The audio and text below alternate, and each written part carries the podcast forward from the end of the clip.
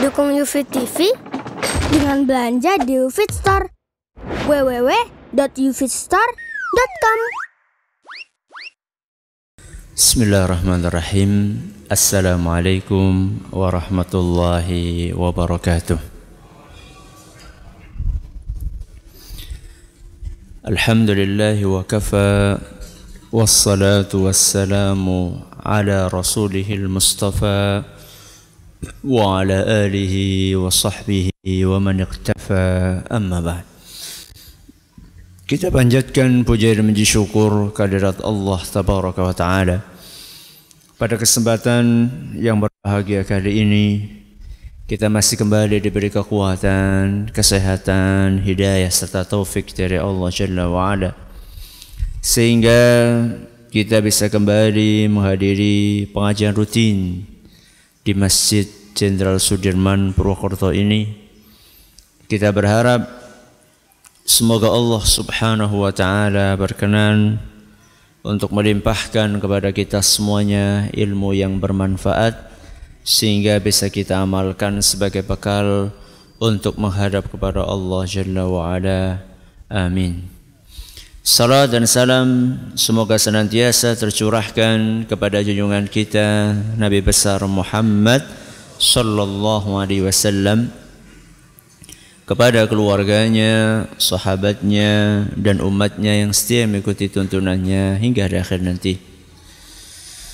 Para hadirin dan hadirat sekalian yang kami hormati dan juga segenap pendengar Radio Insani 102,2 FM di Purwokerto, Purbalingga, Banjarnegara, Cilacap, Wonosobo, Kebumen dan sekitarnya juga para pemirsa Yufit TV yang semoga senantiasa dirahmati oleh Allah Azza wa Jal. Kita masih bersama dengan hadis yang kedua yang disampaikan oleh Imam Ibn Hajar Al-Asqalani di dalam kitab beliau Bulughul Maram Kitabul Jami' yaitu hadis yang berisikan perintah dari Nabi kita Muhammad sallallahu alaihi wasallam agar kita melihat ke bawah dan tidak melihat ke atas. Pada pertemuan yang pertama kita sudah membahas maksud dari bawah dan atas itu apa? Masih ingat? Dalam masalah dunia. Dalam masalah dunia, rizki, kecantikan, ya fisik, harta dan seterusnya. Ini pertemuan yang pertama. Pertemuan yang kedua kemarin kita membahas kenapa kok Nabi kita Muhammad sallallahu alaihi wasallam memerintahkan kita agar melihat ke bawah bukan melihat ke atas. Masih ingat kenapa? Untuk menumbuhkan rasa syukur kita kepada Allah. Kemudian juga yang kedua untuk melatih diri untuk memiliki sifat qanaah yang kemudian akan menghasilkan ketenangan di dalam hati. Berbeda dengan orang yang selalu melihat ke atas, dia akan sulit untuk bersyukur kepada Allah karena merasa nikmat yang dia miliki jauh di bawah orang lain sehingga akibatnya hidupnya tidak akan tenang. Hari ini sebagaimana yang telah kita janjikan pada pertemuan yang lalu kita akan membahas sebuah pertanyaan sebenarnya. Ketika saya menyampaikan hadis ini, di suatu kesempatan sekitar beberapa tahun yang lalu di suatu masjid setelah selesai pengajian biasa saat itu kuliah subuh Ramadan seperti biasanya dibuka sesi tanya jawab. Di antara pertanyaan yang dilontarkan oleh jamaah Ustadz kalau dalam masalah kekayaan kalau dalam masalah ekonomi kita disuruh untuk melihat ke mana ke bawah dan dilarang untuk melihat ke atas. Kalau kita punya pola pikir seperti ini Ustaz, kapan ekonomi umat Islam akan maju? Kapan ekonomi umat Islam akan maju? Karena selalu melihat ke bawah. Misalnya tingkat pengangguran, tingkat kemiskinan di negeri kita berapa? Gak tahu saya. Kemudian katakanlah misalnya tingkat kemiskinan di negeri kita 30 persen. Sudahlah, lihat ke mana? Ke bawah. Maksudnya ada yang 50 persen. Nah kalau misalnya kita seperti ini Ustadz ngelihat ke bawah terus. Kapan ekonomi umat ini akan maju? Kita akan selalu terbelakang. Terus apa maksud dari sabda Nabi SAW tadi supaya kita melihat ke bawah dan tidak boleh melihat ke atas? Sebelum kita menjawab pertanyaan ini, ada satu prinsip yang harus kita fahami. Bahwa di dalam agama kita, antara satu dalil dengan dalil yang lainnya tidak mungkin tidak mungkin saling bertolak belakang. Ini harus paham. Antara Al-Qur'an dengan Al-Qur'an, antara hadis dengan hadis antara Al-Quran dengan hadis tidak mungkin terjadi kontradiksi saling bertentangan itu tidak mungkin. Kenapa tidak mungkin? Karena semuanya wahyu dari Allah Subhanahu wa taala. Di dalam Al-Qur'an surat An-Nisa ayat 82 surat An-Nisa ayat 82. Allah Subhanahu wa taala berfirman, "Afala yatadabbarunal Qur'an?" Kenapa kok mereka tidak meresapi isi Al-Qur'an? Kenapa mereka tidak mentadaburi isi dari Al-Qur'an? Walau kana min indi ghairillahi lawajadu fihi ikhtilafan kathira. Seandainya Al-Quran itu dari selain Allah, maksudnya kalau Al-Quran itu bukan firmannya siapa? Allah. Lawajadu fihi ikhtilafan kathira. Pasti mereka akan temukan di dalam Al-Quran terjadi banyak kontradiksi. Kalau seandainya Al-Quran dari selain Allah. Nah sekarang Al-Quran dari Allah atau selain Allah? Dari Allah. Maka tidak mungkin ada kontradiksi di dalam dalil-dalil Al-Quran. Termasuk juga hadis Nabi SAW. Bukan hanya Al-Quran saja yang tidak mungkin saling bertolak belakang. Termasuk hadis Nabi SAW pun tidak mungkin akan bertolak belakang antara satu dengan yang lainnya. Jawabannya karena hadis adalah adalah wahyu dari Allah Subhanahu wa taala. Sebagaimana yang ditegaskan oleh Allah Azza wa Jalla dalam surat An-Najm ayat 3 sampai 4. Dalam surat An-Najm ayat 3 sampai 4 Allah Azza wa Jalla berfirman wa ma yantiqu 'anil hawa. Nabi Muhammad sallallahu alaihi wasallam tidak pernah berbicara berdasarkan hawa nafsunya. In huwa illa wahyu yuha setiap yang keluar dari Nabi SAW itu adalah wahyu yang Allah berikan kepadanya kepada siapa? Rasulullah SAW ini prinsip yang harus kita fahami terlebih dahulu nah terus jawabannya gimana Ustaz? kalau kita ngelihat ke bawah maka ekonomi tidak akan pernah maju jawabannya Rasulullah SAW bersabda dalam sebuah hadis yang diriwayatkan oleh Imam Muslim. Hadis yang sering kita dengar. Al mu'minul qawiyyu. Khairun wa ahabbu ila Allah minal mu'minid dha'if. Apa artinya? Mukmin yang kuat lebih baik dan lebih dicintai oleh Allah dibandingkan mukmin yang lemah.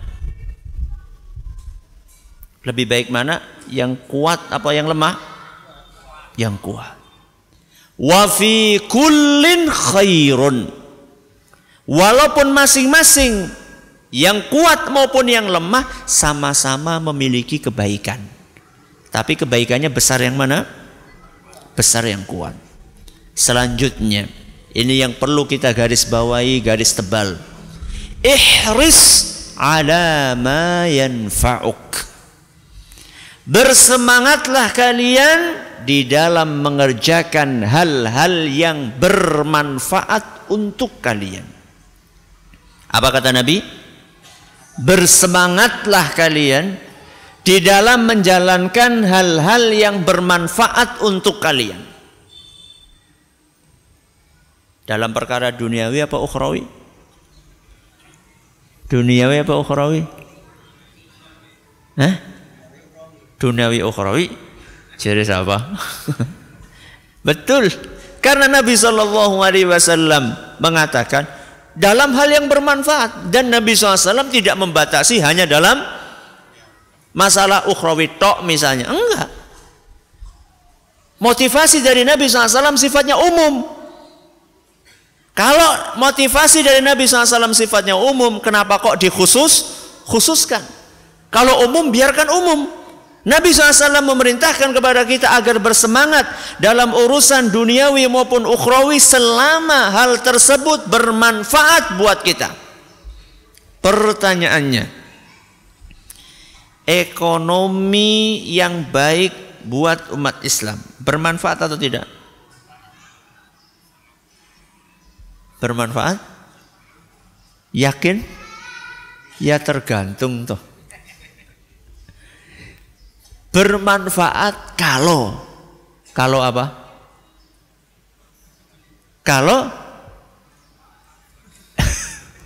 bermanfaat kalau bermanfaat bermanfaat kalau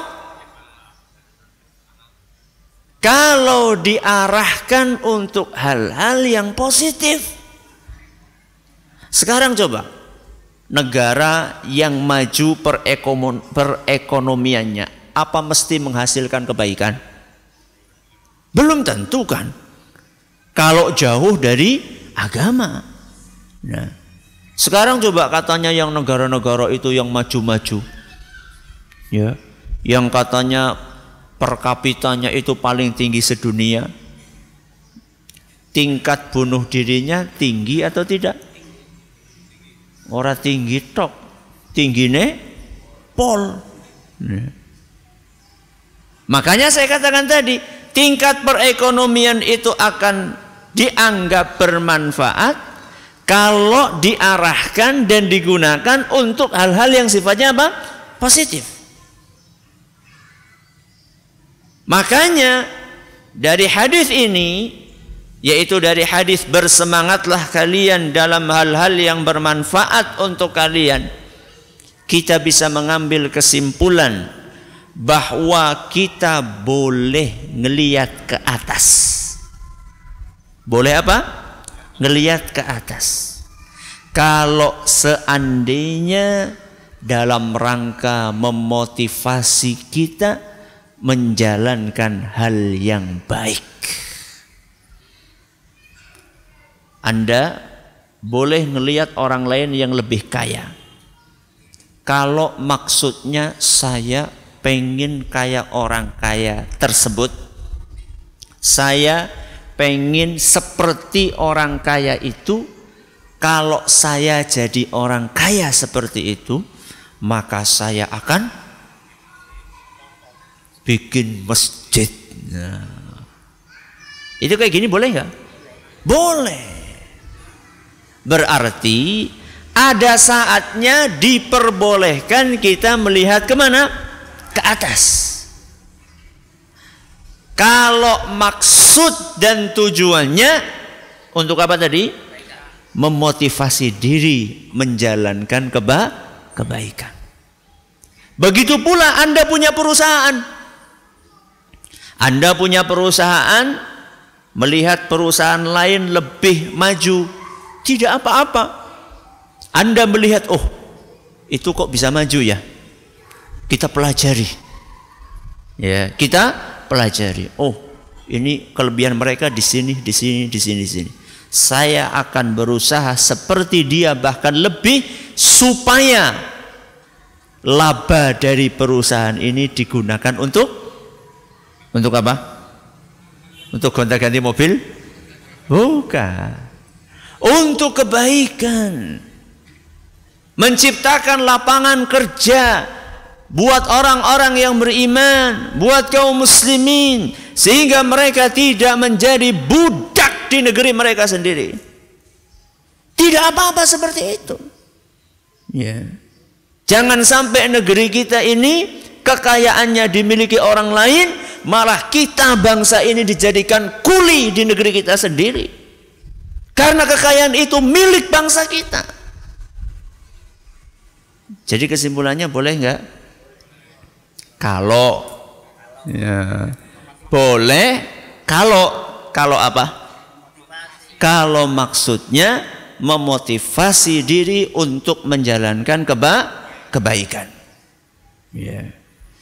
Itu dalilnya apa itu Ustaz? ya tadi hadis yang kita bawakan supaya kita bersemangat dalam hal-hal yang bermanfaat. Dan saya tambah dalil yang lainnya yang menunjukkan bolehnya hal tersebut kalau untuk tujuan kebaikan. Dalam sebuah hadis yang diriwayatkan oleh Imam Ahmad dan hadis tersebut dinyatakan sahih oleh Imam Al-Albani Nabi kita sallallahu alaihi wasallam menjelaskan bahwa manusia di muka bumi ini ada empat jenis. Ada berapa? Empat jenis. Yang pertama, rajulun atahu Allahu malan wa ilma. Yang pertama adalah orang yang dikaruniai oleh Allah Subhanahu wa taala harta dan ilmu agama. Sukih alim. Sudah kaya ulama. Masya Allah ini. Tajir ulama. Ya. Orang ini karena dia punya harta dan punya ilmu, fahuwa ya'malu bihi fi malihi yunfiquhu fi haqqihi. Karena dia punya ilmu agama dan dia punya harta, maka harta yang dia miliki dia alokasikan sesuai dengan ilmu yang dia punyai. Alias diletakkan di tempat-tempat di pos-pos kebaikan buat bangun apa? Masjid. Buat bangun madrasah. Buat membiayai anak-anak yang belajar agama, ya. Buat menyumbang anak-anak yatim. Buat membiayai para janda-janda miskin. Ya, bukan hanya janda-janda yang kembang saja. Ya. Pokoknya ada janda miskin ditanggung, ya. Kemudian ada orang membutuhkan bantuan, bantu sama dia. Dia punya harta, punya ilmu. Ilmunya ini terus memanage harta dia. Mengatur harta dia. Dia punya harta masuknya benar, keluarnya benar. Karena punya apa? Ilmu. Ini manusia jenis yang keberapa? Yang pertama. Yang kedua kata Nabi SAW. Warajulun atahu Allahu ilman walam yu'tihi mala. Orang yang kedua adalah orang yang dikaruniai oleh Allah Subhanahu wa taala ilmu agama tapi hartanya tidak. Alias ulama tapi kere ulama tapi orang suge. Ini orang yang keberapa? Orang yang kedua. Apa kata orang yang kedua? Fahuwa yaqulu, "Lau kana li mithlu mali hadha, amiltu fihi mithla alladhi ya'mal." Orang yang kedua mengatakan, "Ya Allah, andaikan aku ini punya kekayaan seperti orang yang pertama, aku akan alokasikan kekayaanku seperti apa yang dia alokasikan. Berarti ini ngelihat ke bawah apa ngelihat ke atas? Ke atas. Orang ini ngelihat ke atas. Ya Allah, andaikan saya seperti dia.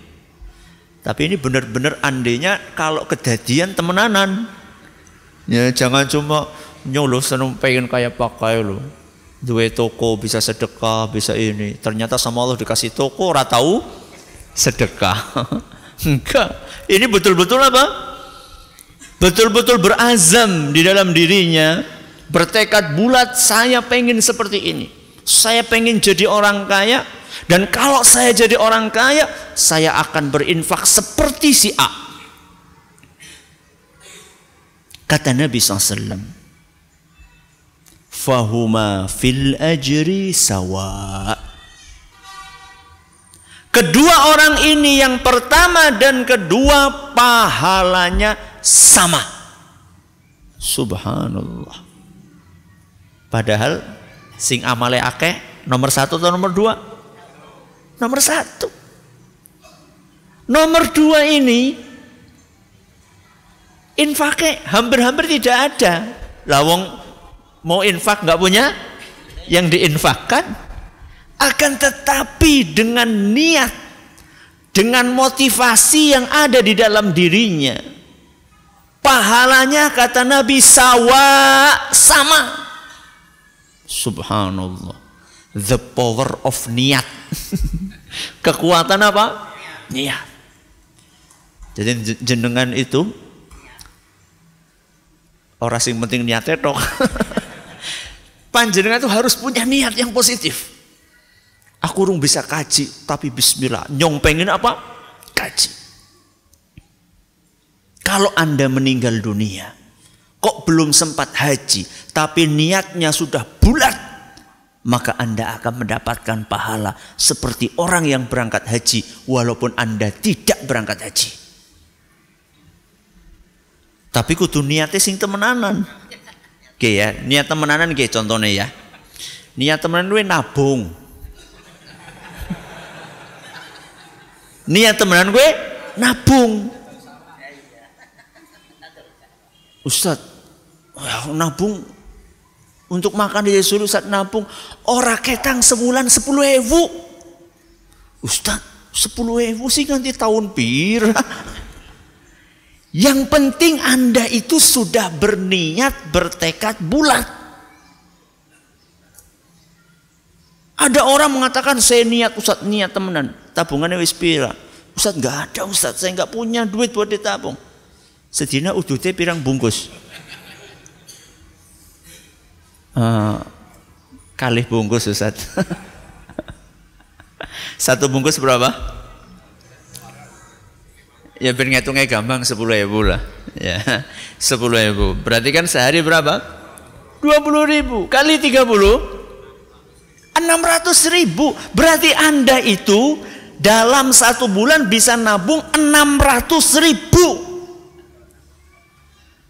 Kali satu tahun 7 juta 200. Kali 10 tahun 72 juta bisa gue mangkat karo bojone. Kayak gitu katanya nggak mampu. Ya. Orang yang pertama dan kedua. Jadi yang kita garis bawahi di sini adalah bagaimana orang yang kedua ini apa? Dia itu melihat yang di atas. Dan dia melihat yang di atas karena motivasi kebaikan. Dan itu diperbolehkan, buktinya diperbolehkan oleh Nabi SAW dikatakan yang kedua dan yang pertama pahalanya sama. Kalau nggak boleh nggak dapat pahala. Orang yang pertama dan keberapa? Kedua. Tadi ada berapa orang? Empat. Diteruskan apa orang? Ya. Orang yang ketiga. Warajulun atahu Allahu malan walam yu'tihi ilma. Orang yang kedua. Dikarunia oleh Allah subhanahu wa ta'ala harta yang banyak.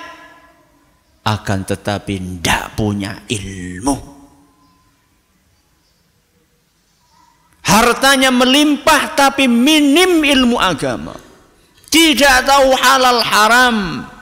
Tidak tahu kewajiban dalam harta yang harus dikeluarkan.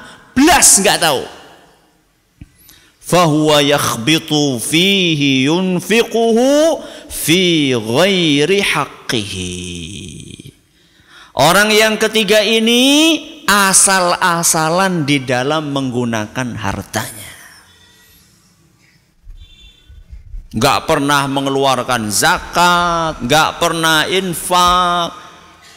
Pemasukannya dari harta-harta yang haram, cara-cara yang tidak dibenarkan oleh agama. Ngawur. Ini orang yang keberapa? Yang ketiga. Hartanya untuk apa? Untuk maksiat dari satu klub ke klub yang lain, klub malam maksudnya. ya, dari satu diskotik ke diskotik yang lain. Nauzubillah min dzalik.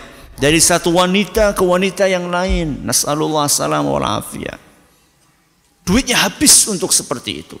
Untuk judi, untuk zina, untuk minum. Untuk memuaskan syahwatnya. Ini orang yang keberapa? Ketiga. Orang yang keempat. Wa lam yu'tihi malan wala ilma. Orang yang terakhir orang yang tidak punya harta dan tidak punya ilmu. Kere bodoh. Sudah miskin tidak punya ilmu agama. Apa kata dia? Lau kana li malun mislu hadha amiltu fihi misla alladhi ya'mal. Andaikan aku punya harta seperti yang ketiga seperti yang ketiga aku akan berfoya-foya seperti orang yang ketiga tersebut nyong pengen zina kayak kayak saya pengen judi kayak itu. Saya pengen minum minuman pakai itu. Selama ini saya minuman, minum minumannya pakai oplosan autan karo apa? Enggak tahu saya. Ya. Saya pengen yang minuman yang pakai brand. Ya. Itu brand tembakan dodor bukan? yang berbrand ya. ya. Kalau saya punya duit saya mau seperti itu. Enak banget itu ke mana-mana menghambur-hamburkan hartanya. Ini orang yang keberapa? Orang yang keempat. Apa kata Nabi SAW? Fahuma fil wizri sawa. Orang yang keempat dan yang ketiga ini dosanya sama. Anda bisa bayangkan. Yang paling sial yang siapa? Empat. Orang ngapa-ngapa oleh dosa. Karena apa? Karena niat yang buruk, karena kebodohannya. Makanya kebodohan itu sumber seluruh penyimpangan. Itu kebodohan. Maka hati-hati dari yang namanya kebodohan. Orang kalau sudah tidak faham ilmu agama, sumber keburukan semuanya dari situ maka kita harus memperbaiki yang satu ini. Gimana? Mau jadi yang pertama, kedua, ketiga, keempat? Hah? ya, syukur-syukur pertama. Minimal kedua. Nah, orang bisa pertama, kedua? Orang gelem milih nomor tiga, apalagi apalagi nomor empat. Ya, jadi intinya jawabannya adalah suatu saat kita boleh melihat ke atas kalau apa tadi memotivasi kita untuk menjalankan keba kebaikan. Nah terus kita melihat ke bawahnya gimana Ustadz? Kita melihat ke bawahnya seandainya kita termotivasi untuk menjadi orang kaya. Dan kita bekerja keras, membanting tulang, memeras keringat. kok ternyata antara hasil dan cita-cita tidak sesuai dengan yang diharapkan, maka saat itu apa? Lihat ke bawah. Supaya apa? Supaya bisa bersyukur kepada Allah Subhanahu wa taala. Makanya mengamalkan tuntunan Nabi SAW itu indah sekali. Ya. Ketika kita termotivasi untuk beramal, berbuat, kita akan bekerja keras. Tapi begitu gagal, kita tidak patah arang. Orang terus kendat, ya. tidak kemudian bunuh diri, enggak. Kenapa? Karena dia, oh masih ada yang lebih sial dalam tanda kutip, ya masih ada yang lebih kesulitan hartanya dibandingkan kami. Ini yang di jawaban yang bisa kami sampaikan. Pembahasan terakhir kita adalah melihat ke bawah itu dianjurkan dalam perkara duniawi. Tapi kalau dalam perkara ukhrawi. Ukhrawi itu maksudnya apa? Bismillah. Apa? Iya, iya maksudnya akhirat itu apa maksudnya? Amal, ya, amal, ilmu, ibadah, ya. Kalau dalam masalah yang sifatnya ukhrawi, maka kita harus melihat ke mana? Ke atas. Tidak boleh melihat ke mana? Ke bawah. Saya ulangi. Kapan kita harus melihat ke atas terus? dalam urusan ukhrawi. Dalam ibadah dalam amal saleh. Ya. Dalam ilmu agama. Lihatlah ke atas jangan ngelihat ke bawah. Kenapa? Karena Allah Subhanahu wa taala berpesan dalam surat Ali Imran ayat 133 surat apa Ali Imran ayat 133. Allah Azza wa Jalla berfirman wasari'u ila maghfiratin min rabbikum. Bersegeralah kalian untuk menjemput ampunan Allah wa jannatin 'arduha samawati wal ard. Dan bersegeralah kalian, berlomba-lombalah kalian untuk meraih surga Allah yang luasnya seluas langit dan bumi. Berlomba mengejar surga Allah itu dengan apa? Dengan amal soleh, dengan ilmu, dengan amal. Yang namanya lomba itu ngelihat ke depan apa ke belakang? Ngelihat ke depan. Terus, us, bagaimana saya bisa mendahului si fulan? Itu namanya berlomba. Makanya di dalam berinfak Anda itu jangan lihat orang yang memasukkan lembaran yang gambarnya pedang. Ya. Tapi Anda lihat orang yang pakai peci. Oh. Bung Karno dan Bung Hatta ya. Walaupun Pangeran Patimura juga punya jasa yang besar. ya. Kalau Anda dalam masalah ngaji ditegur sama orang, "Mas, kok ngajinya cuma seminggu sekali, Mas?" Lu mending nyong ngaji. Ya kayak orang ngaji. Jangan seperti itu. Kalau Anda ditegur, ngajinya seminggu sekali, iya ya. Si fulan itu ngajinya tiap hari, Masya Allah. Saya harus seperti si fulan. Seperti itu. Kalau dalam masalah ibadah, dalam masalah ilmu, dalam masalah amal soleh, dalam masalah akhirat, selalu lihat yang di atas kita sehingga kita akan terus terpacu.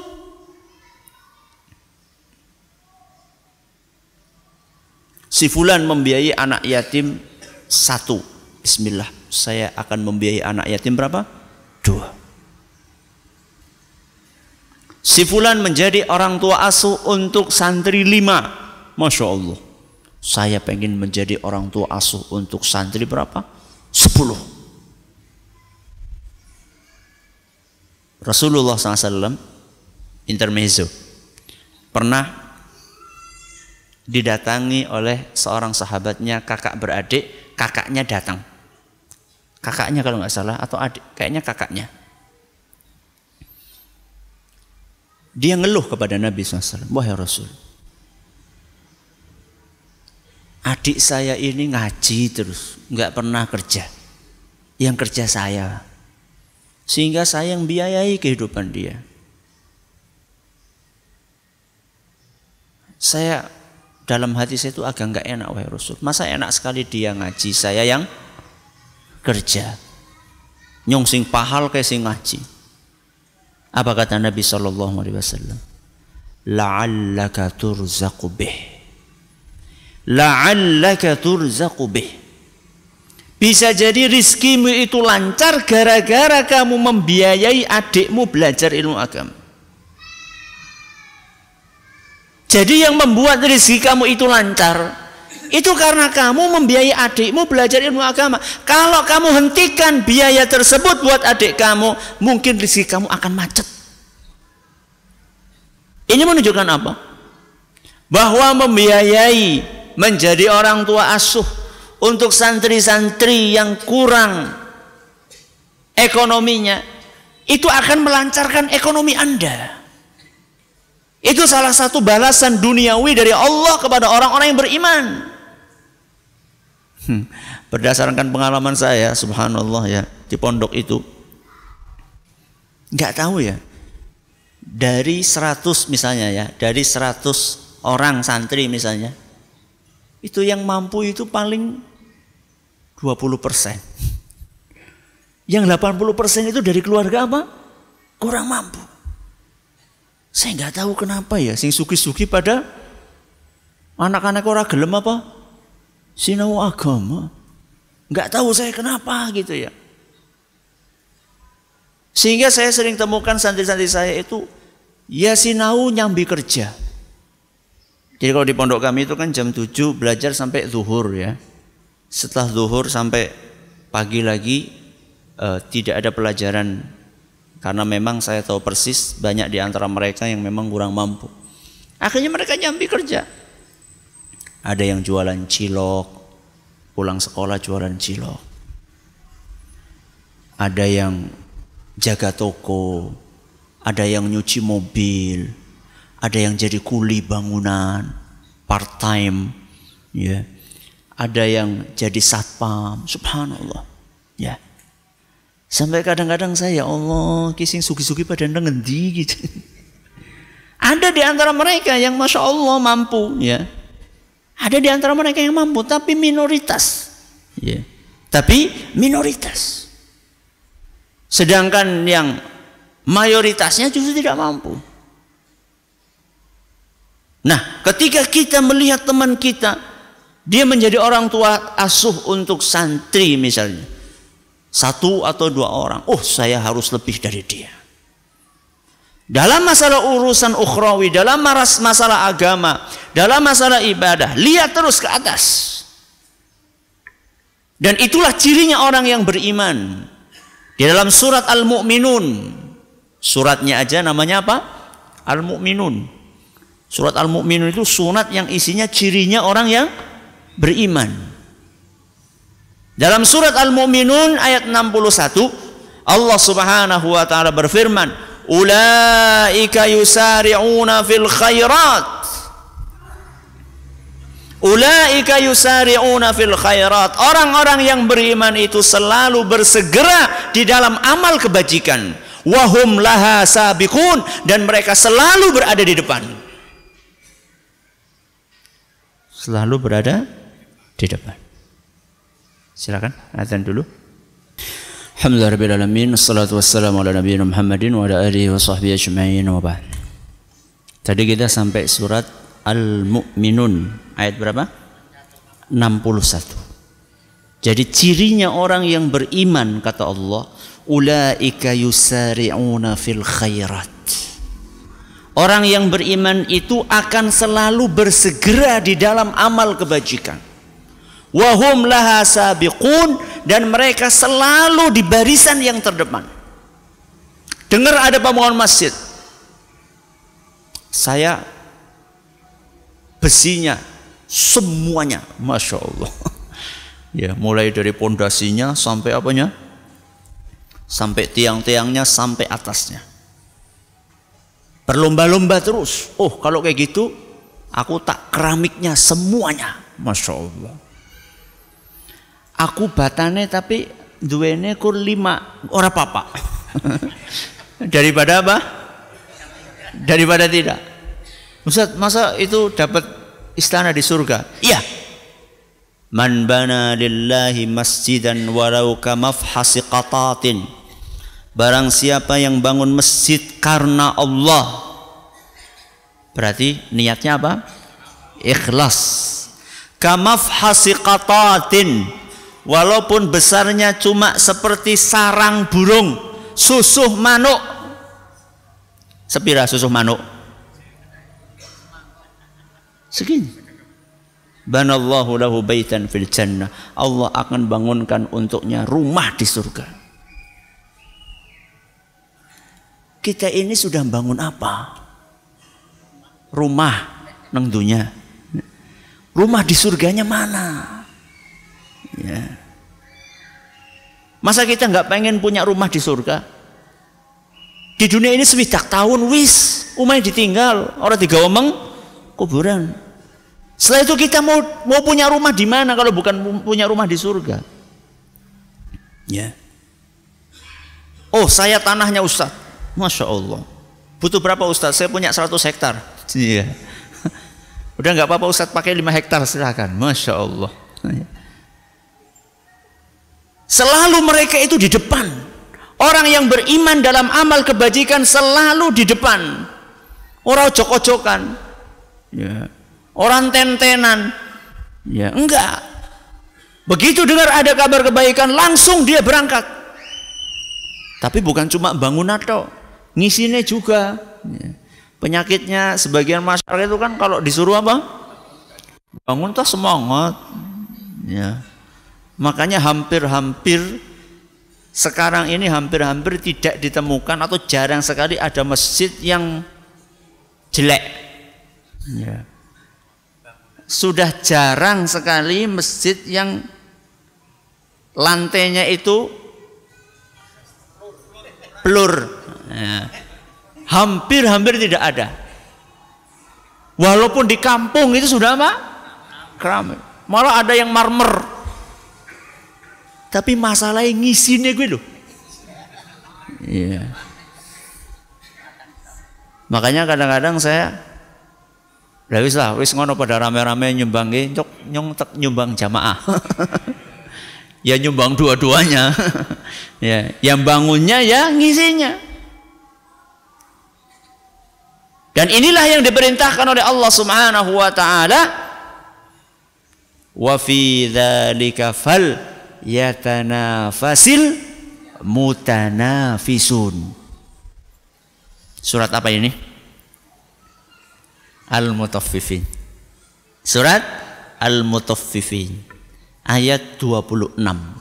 Wa fi dzalika falyatanafasil mutanafisun. Hendaklah kenikmatan surga itulah yang dijadikan sebagai media perlombaan orang-orang yang berlomba. Jadi yang dicari itu bukan hanya undian, oli motor, oli apa? Mobil, oli kulkas, oli cooker. Ya. Kita harus punya cita-cita yang lebih tinggi dari itu. Mari kita berlomba untuk mengejar surga Allah Subhanahu wa taala. Waktu kita ini terbatas. Rata-rata 60 tahun. Itu rata-rata. Ada yang di luar rata-rata. Di luar rata-rata itu bisa jadi lebih, bisa jadi kurang. Anda yang umurnya 20 tahun, Anda pikirlah, esis eh, patang puluh tahun niki. Siapa yang jamin kalau usia Anda masih 40 tahun? Bisa jadi usia Anda ini tinggal satu tahun. Bahkan bisa jadi usia Anda tinggal enam bulan. Bahkan bisa jadi usia Anda tinggal satu bulan atau mungkin usia Anda tinggal satu hari. Anda tidak tahu. Maka kalau misalnya ada peluang kebaikan, masuk. Keburu nanti ketutup. Ada peluang kebaikan di sana, masuk. Pintu kebaikan di sana masuk, pintu kebaikan di sana masuk. Di sana saya bisa menyumbang tenaga saya. Di sana saya bisa menyumbang pikiran saya. Di sana saya bisa menyumbang harta saya. Di mana pun ada pintu kebaikan, masuk. Karena kita tidak tahu umur kita itu sampai kapan. Wa fi dzalika fal yatanafasil mutanafis. Dan hendaklah dalam masalah surga orang-orang yang berlomba itu mereka memperlombakan untuk mendapatkan surga tersebut. Wallahu taala a'la wa alam. Dengan demikian selesai pembahasan kita tentang hadis yang kedua dari Kitabul Jami' dari Bulughul Maram karya Imam Al-Hafidh Ibnu Hajar Al-Asqalani rahimahullah. Insyaallah pada pertemuan berikutnya kita akan memasuki pembahasan hadis yang ketiga.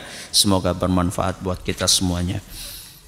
Kita tutup dengan membaca Subhanakallahumma wa bihamdika asyhadu an la ilaha illa anta astaghfiruka wa atubu ilaik. Assalamualaikum warahmatullahi wabarakatuh.